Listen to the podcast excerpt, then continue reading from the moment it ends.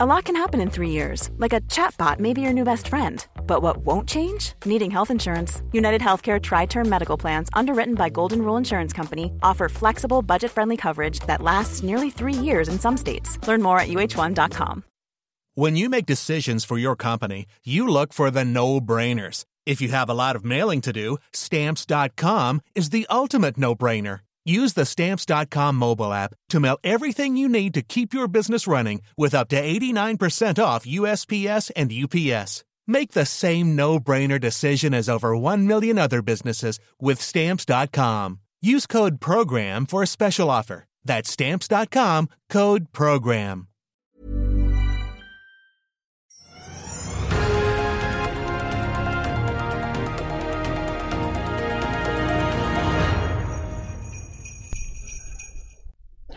Gledelig jul og velkommen til en av våre julesendinger her i FA-TV, der vi har invitert folk fra ulike bransjer og deler av næringslivet for å både oppsummere året som ligger bak oss, og få litt nye perspektiver og forsøke å se inn i krystallkulen for 2022.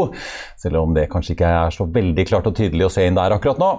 I dag har jeg fått besøk av en person som ikke bare er en kjent politisk skikkelse, men som også har vært minister, representant for Norges viktigste næring, og som nå nylig, så sent som i november, har trådd over i rollen som en av de øverste talspersonene for norsk næringsliv.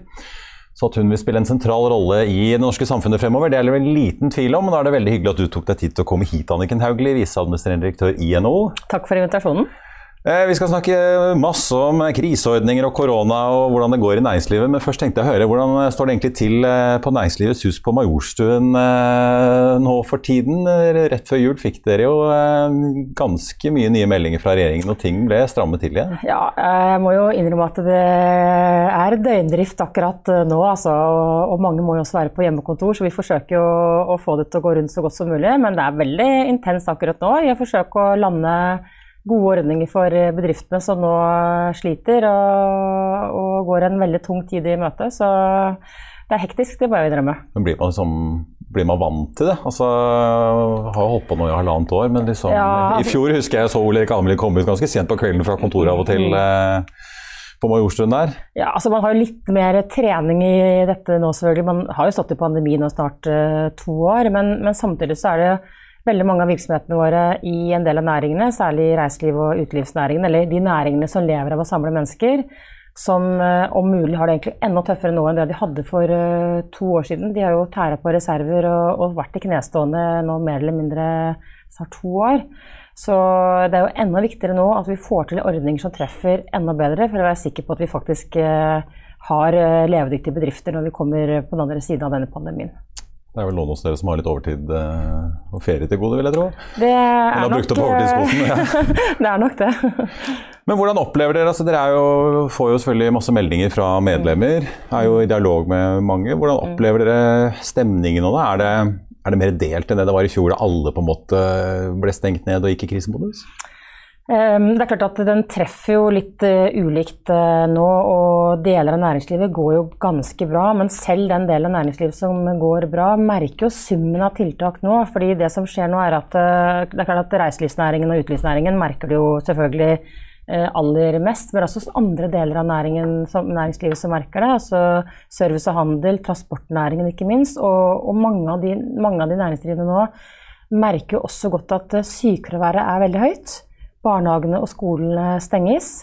Så det summen av tiltak og summen av situasjonen gjør jo at det også de virksomhetene som kanskje egentlig kunne klart seg ganske bra, sliter nå veldig. Vi har bl.a. store problemer med å få fatt i sjåfører, med de utfordringer det kan få for uh, transport av varer og til og med medisiner. Ja, ja Det har vi sett i Storbritannia og USA, mm. hvor eh, lastebilsjåfører er blitt uh, hotteste yrke om dagen, virker det sånn? Ja, ja, det er kjempeproblematisk. Og, og, der er det jo stor grad både mangel på sjåfører, eh, og at det er veldig høyt eh, sykefravær. Mange må holde seg hjemme, og nå er jo karantenebestemmelsene strammet til, så det er grunn til å tro at det blir enda enda vanskeligere faktisk eh, framover. Men er det, altså, I motsetning til i fjor da, så er jo oljeprisen nå ja, nesten 75 dollar fatet. Mm. Mm. Øystein Dørum var her eh, like før jul eh, med en fersk konjunkturrapport og sa at ja, selv om det mm. nå blir strammet inn, så går jo eksportindustrien relativt uh, bra. altså Det er jo mm. flere deler som på en måte hvor er, ja, selv om man kanskje sliter med sykefravær og sånn, så, så, er på en måte man har inntekter og salget går. og Er det da mye mer sånn skjevfordelt? Hvordan det treffer Ja, Det er nok litt mer skjevfordelt. Og som du sier, eh, oljebransjen er jo en helt annen situasjon eh, nå enn det den var da. Da var det jo bråbrems, ikke sant. Eh, men da fikk man jo på plass en tiltakspakke som rettet seg mot leverandørindustrien, som sikret investeringene i næringen, og det høster man jo fruktene av nå. Det er høy aktivitet. Ja, Nå renner det inn kontrakter hos ja, Aker Solutions ja, og Able. Ja. Det er høy aktivitet på, på sokkelen, og, og, og, det er kontrakter til leverandørindustrien. Så sånn sett er det litt ulik altså Krisa er litt ulikt uh, fordelt, men de som sliter nå, sliter jo veldig. Ja. Mm.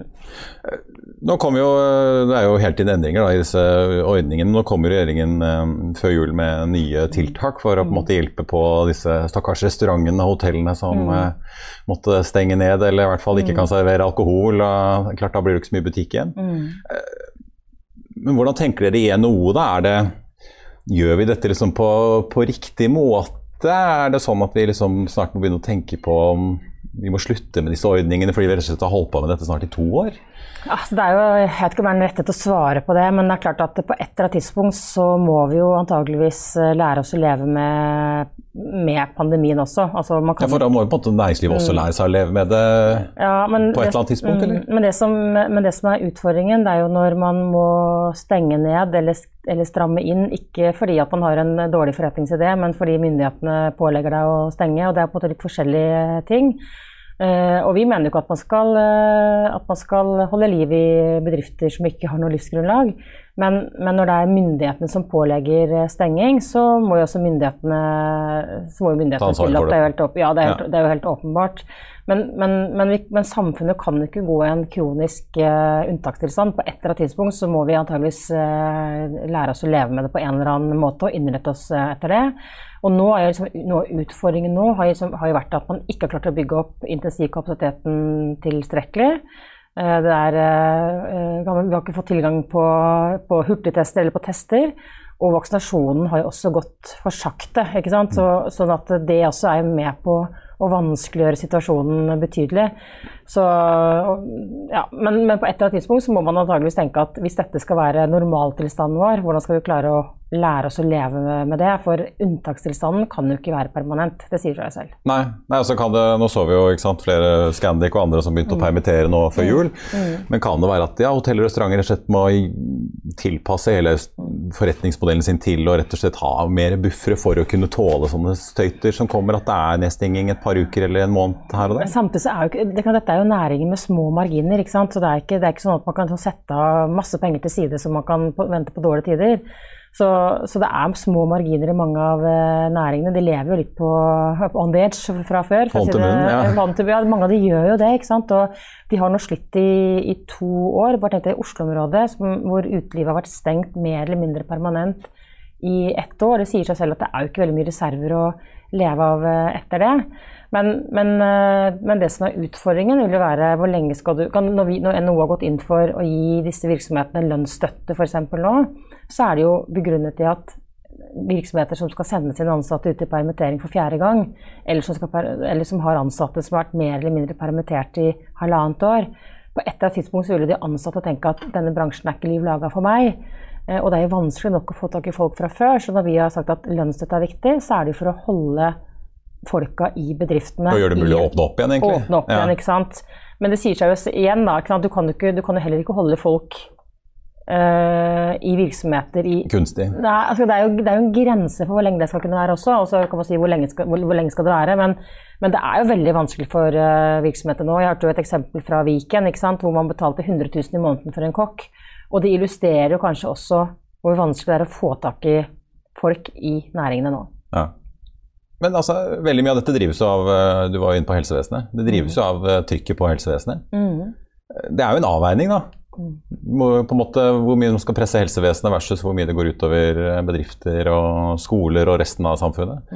Blir det en tøffere debatt og på en måte med steilere fronter fremover? Fordi at resten av samfunnet på en måte kanskje ikke vil akseptere lenger at helsevesenet setter så klare premisser for hvordan vi skal leve? Det, det, vil jo være en ganske vanskelig politisk diskusjon. Hvordan skal, du, hvordan, skal man organisere helsevesenet for at man skal få mest mulig ut av ressursene? Hvordan skal du på en måte eh, planlegge for, eh, for eh, kriser? Men, men man, Men man kan jo heller ikke være i en situasjon hvor samfunnet skal stenge hver gang det er press på helsevesenet. Da må man gjøre noe med enten kapasiteten, organiseringen, bemanningen eller planleggingen. Det sier seg jo, det sier seg jo selv. Men, men kommer det til å bli med et mer press fra dere og LO og andre, tror du? Altså, altså myndighetene, De helsefaglige rådene de tror jeg skal overlate til helsemyndighetene. Men, men igjen, da, ikke sant? nå har det vært et par år med eh, press på intensivplassene som har vært eh, utfordringen. Eh, og det er jo hensyn til kapasiteten man gjør det man gjør. Og hvis dette skal være en permanent situasjon, så sier det seg selv at man må gjøre noe med, med kapasiteten eller med organiseringen eller hvordan man planlegger ressursene. For man kan ikke stenge ned samfunnet hver gang. Du har på en måte, hvis du har, en, har, sånn, har helsevesenets kapasitet i den skålen eh, og antall innleggelser, men i den andre skålen så ligger det på en måte resten av samfunns... Altså, det er ikke bare konsekvenser for bedriftene med nedstenging. Det er jo eh, skolegang for barna, eh, psykisk helse for befolkning. Altså, det er mye som er i den andre skålen også. Og dette vil jo på en måte være avveininger som man, som man må ta. Ja. Hvis du skal oppsummere året, da. Nå har du jo du har byttet jobb. Mm. Ja. Men, uh, utenom korona, er det liksom, hva er de store tingene du vil huske? Eller er det bare korona? Det har, vært, ulike varianter. Det har, vært mye, det har vært mye korona, mye hjemmekontor, mye innesitting og stillesitting. Altså minimalt med reising, kortreiste ferier, for å si det sånn. Så det har jo vært et unntaks, unntaksår på alle måter. Men uh, rent sånn profesjonelt da, så har det, har det vært et uh, spennende år. Jeg, jo, jeg, gikk, jo startet i året med å være i Norsk olje og gass. En uh, stor og viktig næring, spennende arbeidsplass uh, på alle måter.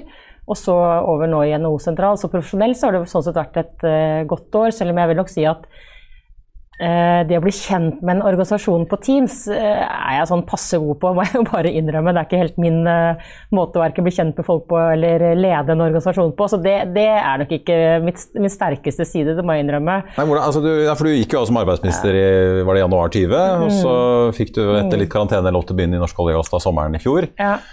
Og så gikk du nå over i november. Ja. På ett år og hva blir det, tre-fire måneder. Ja. Eh, klarte du egentlig å bli kjent med alle, eller er det altså, vet, det, altså, Alt er jo relativt, da. Men eh, jeg rakk heldigvis å ha én-til-én-samtaler med praktisk talt alle i Norsk olje og gass. Jeg hadde, hadde, sånn, hadde, en fot i bakken med alle sammen. Eh, og så er det selvfølgelig en del du ser mer enn andre. Og så startet jeg på nytt nå med å ha én-til-én-samtale med mine medarbeidere. Og så måtte vi slutte med det også, for det er best å ha det fysisk. Nå er det rett hjem? Ja. Er det rett hjem? Ja. Nei, så, det, så, klart det blir jo på en annen måte. Man må jo tenke og jobbe litt annerledes, da. Men sånn er det for så vidt for eh, alle. Men ideelt sett så skulle jeg gjerne hatt mer tid fysisk med medarbeidere, men det får vi håpe på at det blir mer tid til eh, etter hvert. Så, ja. men, det, men det året har jo vært sånn for de fleste. Men har vært, vi har vært veldig gode på at de få gangene det har vært åpninger for å kunne gjøre noe, så vi har brukt tiden veldig effektivt, både når det gjelder å gå på konserter og gå på byen og gå og spise ute. er det back to back? ja, ja altså, jeg har faktisk egentlig fått, fått, gjort ganske mye fordi jeg har vært supereffektiv når det har vært lommer til å kunne gjøre det. Men jeg lurer på, eh, hvis Du ser da, du var arbeidsminister da, da dere oppdaget eh, det som da endte i Nav-skandalen. Mm. Eh, du kom inn i Norsk olje og gass da selv om på en måte det verste var over, så var jo næringen fortsatt i en mm. ganske stor krise. Mm. Og Du kommer inn nå i toppen av NHO når store deler av næringslivet er i, i krise igjen. Liker du kriseledelse, eller er det litt tilfeldig? Ja, jeg, jeg, jeg, kom jo inn, jeg kom også inn i regjeringen da det var oljeprisfall, så det ja. første året gjorde jeg ikke noe annet enn å kommentere stigende arbeidsledighetstall. så det begynner å bli et mønster Vestlandet, for å si det sånn. Ja. Nei da, men, men Blir du liksom eh, tiltrukket av eh, de oppgavene og utfordringene, eller er det litt tilfeldig? Ja, øh, nei, jeg gjør vel egentlig ikke Det er nok litt tilfeldig, kanskje. Det er ikke at jeg oppsøker krisene, for å si det sånn. Jeg håper ikke jeg skylder dem heller, for å si det sånn. Men, men, men, jeg liker å ha noe å jobbe med, ja. Jeg gjør det. Mm. Ja. Ja. Hva slags representant skal du være for næringslivet, da? Mm. Nei, så jeg håper jo Nå skal jo Nå kommer du jo fra å liksom representere dog mm. den største og viktigste næringen i Norge, i hvert fall målt til skatteinntekter og, og mm. omsetning. Eh, til, eh, til, å på en måte ja, representere både stort og smått, og mm. alt fra de som selger klær til de som pumper olje. A lot can happen in three years, like a chatbot may be your new best friend. But what won't change? Needing health insurance. United Healthcare Tri Term Medical Plans, underwritten by Golden Rule Insurance Company, offer flexible, budget friendly coverage that lasts nearly three years in some states. Learn more at uh1.com. I'll see you in court. Vi sier det ofte litt på spøk, men for deg som driver business, er det aldri moro å innse at du ikke har laget en 100 gyldig kontrakt. Du bør ikke risikere hele firmaet ditt fordi du synes dette med kontrakter er litt stress. En avtale er ikke en avtale. Du kan miste kunder, miste venner, ja, til og med miste inntekter om du ikke lager en skikkelig kontrakt, på alt mulig, egentlig. Men vi vet det er et styr. Kopimaskiner, tregprinter og haugevis av papir. Dessuten stoler vi jo på folk her i landet. Det er ofte litt kleint å skulle be om en signatur for alt mulig, ja, for mye av styret handler også om jakten på underskriften. Det finnes en enkel måte å løse dette på, Dukkobit, en trygg, effektiv og get this, gratis måte å sikre seg en god natts søvn pluss en juridisk bindende avtale. Dukkobit-appen har de strengeste sikkerhetskrav i bunn, samt en EU-godkjent og sertifisert teknologi. Framover vil det bli behagelig å spørre du, skal vi skrive under på det, eller? Kom i gang på dokobit.no. Det er klart at Den tida jeg var i Norsk olje og gass, så lærte jeg den industrien å kjenne veldig godt. Og jeg er veldig glad for at jeg har den erfaringen med meg inn i NHO sentralt også, fordi næringen er viktig ikke bare for skatteinntektene til land og arbeidsplasser, men den er også en viktig næring for næringslivet for øvrig. Både, gjennom, både i form av ringvirkninger, men også i form av teknologiutvikling og hva den bidrar med på kompetansesiden. Eh, men, men, det, men, det, er klart at nå som jeg skal inn i NHO, eller er i NHO sentral, så skal jeg jo representere bredden av norsk eh, næringsliv. Og vi har jo nå over 30 000 medlemmer fordelt på alle bransjer. Så målet nå er jo å skape best mulig rammebetingelser for næringslivet. Men også er det viktig for oss å bidra til en riktig samfunnsutvikling. Og bedriftene er jo viktig i den forbindelse. Både når det gjelder å skape jobber, skape grønne jobber, bidra til eh, omstilling av næringslivet, eh, omstilling av norsk økonomi. Og det ønsker jeg og, håper at vi kan klare å få til. Og jeg håper at jeg kan bidra litt der, da, med min erfaring og bakgrunn. Men liker du å være liksom en synlig representant som er der ute og stiller opp i media og går i debatter og Altså, Det er ikke det viktigste for min Eller jobber du mer liksom på én-til-én og i det stille? Ja, altså jeg er ikke så, altså Det er ikke veldig viktig for meg å stå på scenekanten eller stå i debatten, for å si det sånn, men jeg, det gjør meg heller ikke å gjøre det. Men det som jeg syns er mest spennende og lærerikt og interessant, det er jo ikke å reise rundt og besøke bedrifter og virksomheter og de som har skoa på. Og jeg tror egentlig jeg er ganske god på det òg, å lytte og, og, lære. Det sies jo at det, det, er en grunn til at man har to ører og én munn, og det uh, pleier jeg å legge den på i den rekkefølgen. Um, så, så, det er jo det som jeg syns er kanskje det morsomste. Og så er jo medieopptredener ofte en del av av jobben i tillegg. Men I tillegg til å være stedfortredende for uh, Almlid, som mm. det så fint heter, så har du jo også ansvar for uh, politikkavdelingen. Mm. Der ligger det jo næringspolitikk og mm. kompetanse, mm. og også internasjonal avdeling med mm. mye EU-spørsmål og mm. handelsavtaler. Det blir nok å holde fingrene i. Ja, der har jeg jo heldigvis 40 cirka, veldig gode medarbeidere som er fordelt på de avdelingene. Det er jo nesten alt som er viktig for, eh, for eh, bedriftene og for næringslivet. Så det er spennende og veldig viktige områder, og de kommer til å bli enda viktigere også framover. Alle tre uh, områdene kommer til å bli viktigere framover. Ja, dere er jo veldig opptatt av EØS-avtalen, mm. men er det, nå er du kanskje litt inhabil som tidligere statsråd i Erna Solbergs regjering, men, men jeg må jo likevel spørre deg, blir, blir egentlig forskjellen så stor i praksis når det kommer til handelsavtaler og forhold til Brussel eh, med den regjeringen vi har nå, tror du? Det gjenstår jo å se. Eller stoler du på Jonas sine garantier? Ja. Altså, det, altså, um, altså, ja, altså, du kan si, det gjenstår litt å se hvordan de vil innrette seg da. ikke sant? Men, men, det er også viktig å huske på at det, det, er et bredt flertall i Stortinget til EØS-avtalen. Så den ligger jo, den ligger jo fast. Og, og, jeg tror nok at, og jeg legger til grunn at regjeringen også også den delen av regjeringen som er skeptisk til EØS-avtalen, eh, forstår viktigheten av EU eh, e som marked for norske bedrifter. Eh, vi trenger ikke nå å så tvil om EØS-avtalen, nettopp fordi det kommer til å gå, ramme norske bedrifter utrolig hardt. Så jeg håper at man kan føre en aktiv europapolitikk, og, og for oss så betyr det at, de, at både politikerne og embetsverket er aktive i Brussel, i komiteene og utvalgene og der hvor på en måte politikken skapes.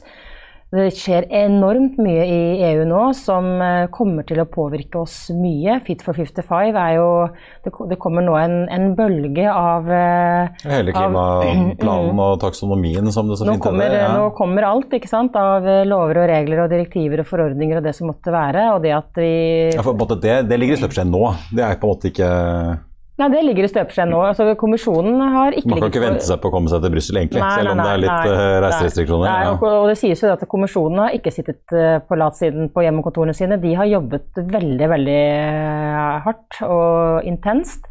Og nå kommer det på en måte, nå, nå kommer oppfølgingen av Fit for, for, for 55. Så, så, så det, er, det, er, viktig at, det, at politikerne og myndighetene nå er på den ballen.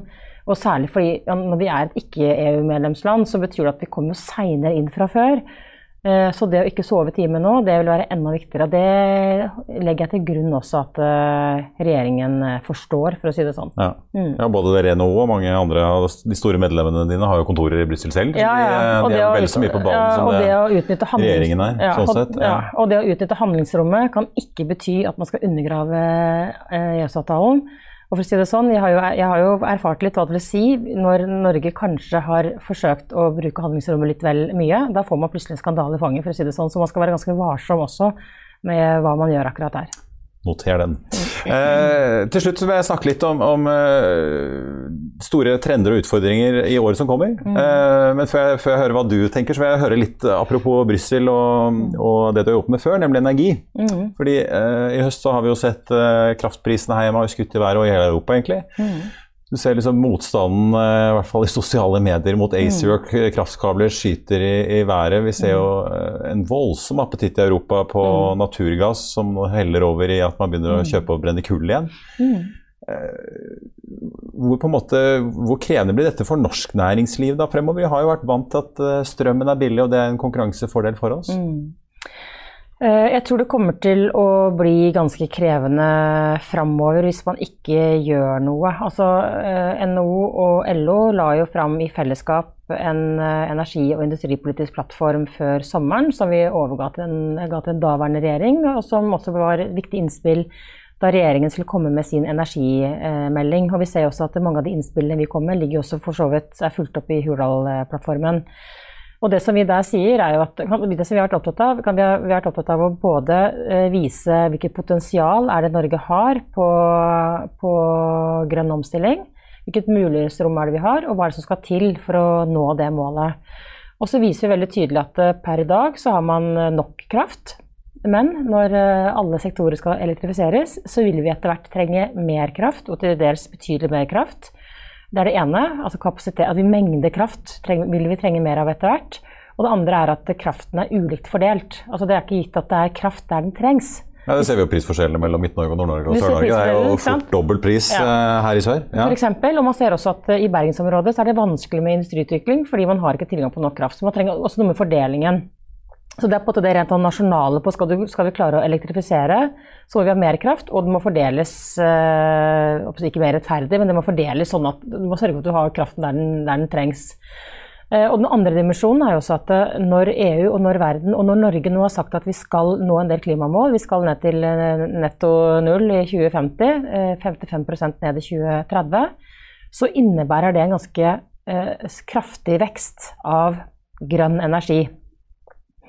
Uh, og det er en del tiltak som også gjør at, uh, energi, at den fossile energien blir dyrere. EU-kvotene. E Kvoteprisen har jo skutt i været. Ja. Og CO2-prisen. Mm. Og så, sånn at Man må forstå at det, sånn, sånn, for å, på en måte, Skal vi nå klimamålene våre, så krever det også en ganske stor uh, omstilling og oppskalering av grønn energi som man ikke er i nærheten av å nå. Og Det var noe av det som jeg synes var kanskje det mest uh, frustrerende eller forstemmende litt an i valgkampen, da man diskuterte Eh, klimaspørsmål og grønn omstilling, og nå må vi skru av oljekrana. Vi diskuterte for mye, syns jeg, når skal vi skru av oljen? Det er jo selvfølgelig et interessant spørsmål. Men det viktigste spørsmålet som vi ikke diskuterte, er hva skal til for å komme dit at olje er overflødig? Ja, For det er et spørsmål om nok energiforsyning, egentlig. Er det nok, vi, mm. når er det vi kommer dit at vi faktisk ikke trenger å produsere mer eh, olje? Og det krever enormt på utbygging av vind, utbygging av vann, utvikling av, utbygging av sol forbruker, altså endring i forbrukeratferd. Det krever masse av oss som vi egentlig ikke har diskutert eh, nok. Og så står vi litt der nå at eh, det vi alle egentlig, mange av oss i hvert fall så, Europa kommer ikke til å klare å forsyne seg selv med grønn energi. Ambisjonene deres om grønn energi er for store, samtidig som man bygger ned eh, kull og atom.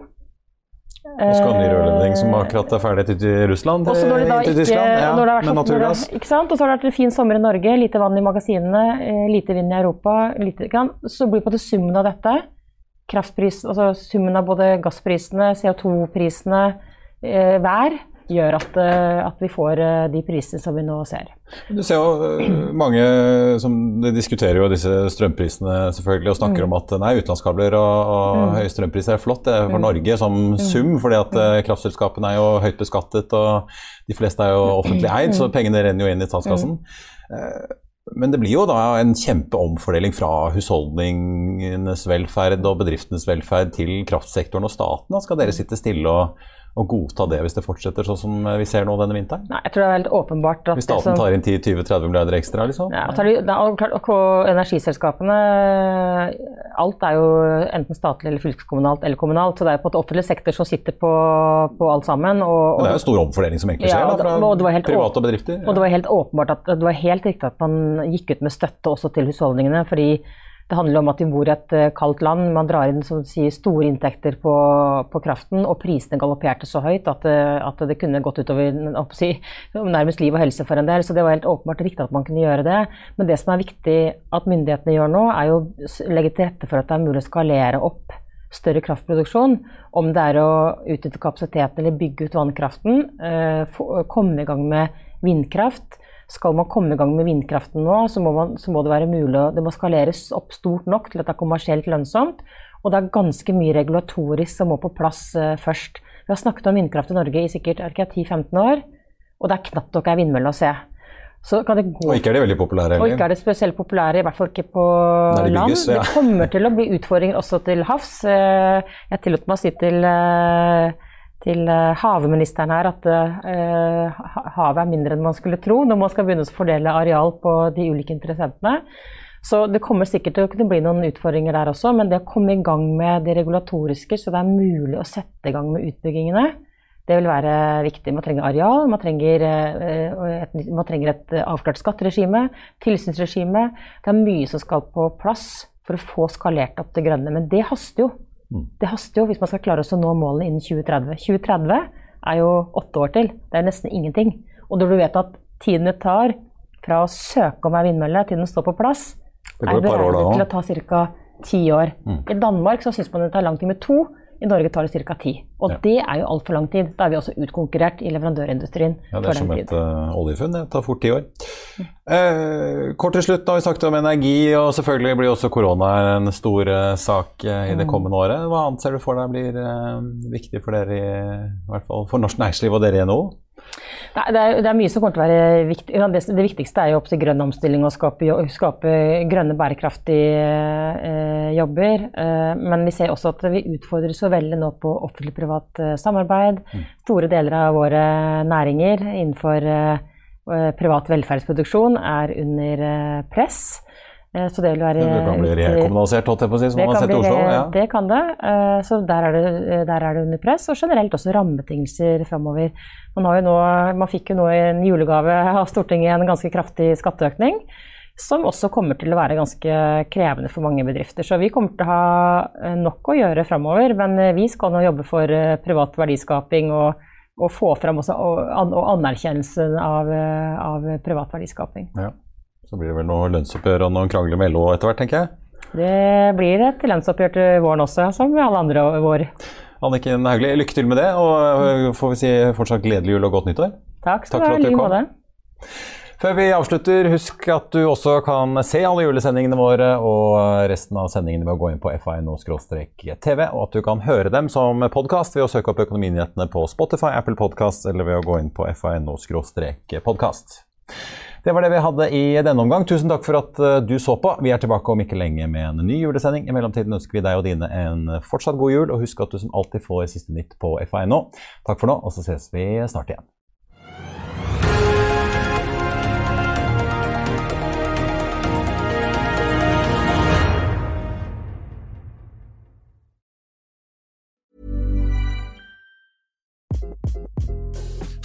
This is Craig Robinson from Ways to Win, and support for this podcast comes from Invesco QQQ, the official ETF of the NCAA. The future isn't scary. not realizing its potential, however, could be. Just like on the recruiting trail, I've seen potential come in many forms as a coach. Learn more at Invesco.com slash QQQ. Let's rethink possibility. Investco Distributors, Inc. Planning for your next trip? Elevate your travel style with Quince. Quince has all the jet setting essentials you'll want for your next getaway, like European linen, premium luggage options, buttery soft Italian leather bags, and so much more. And is all priced at 50 to 80% less than similar brands. Plus, Quince only works with factories that use safe and ethical manufacturing practices. Pack your bags with high-quality essentials you'll be wearing for vacations to come with Quince. Go to quince.com slash pack for free shipping and 365-day returns.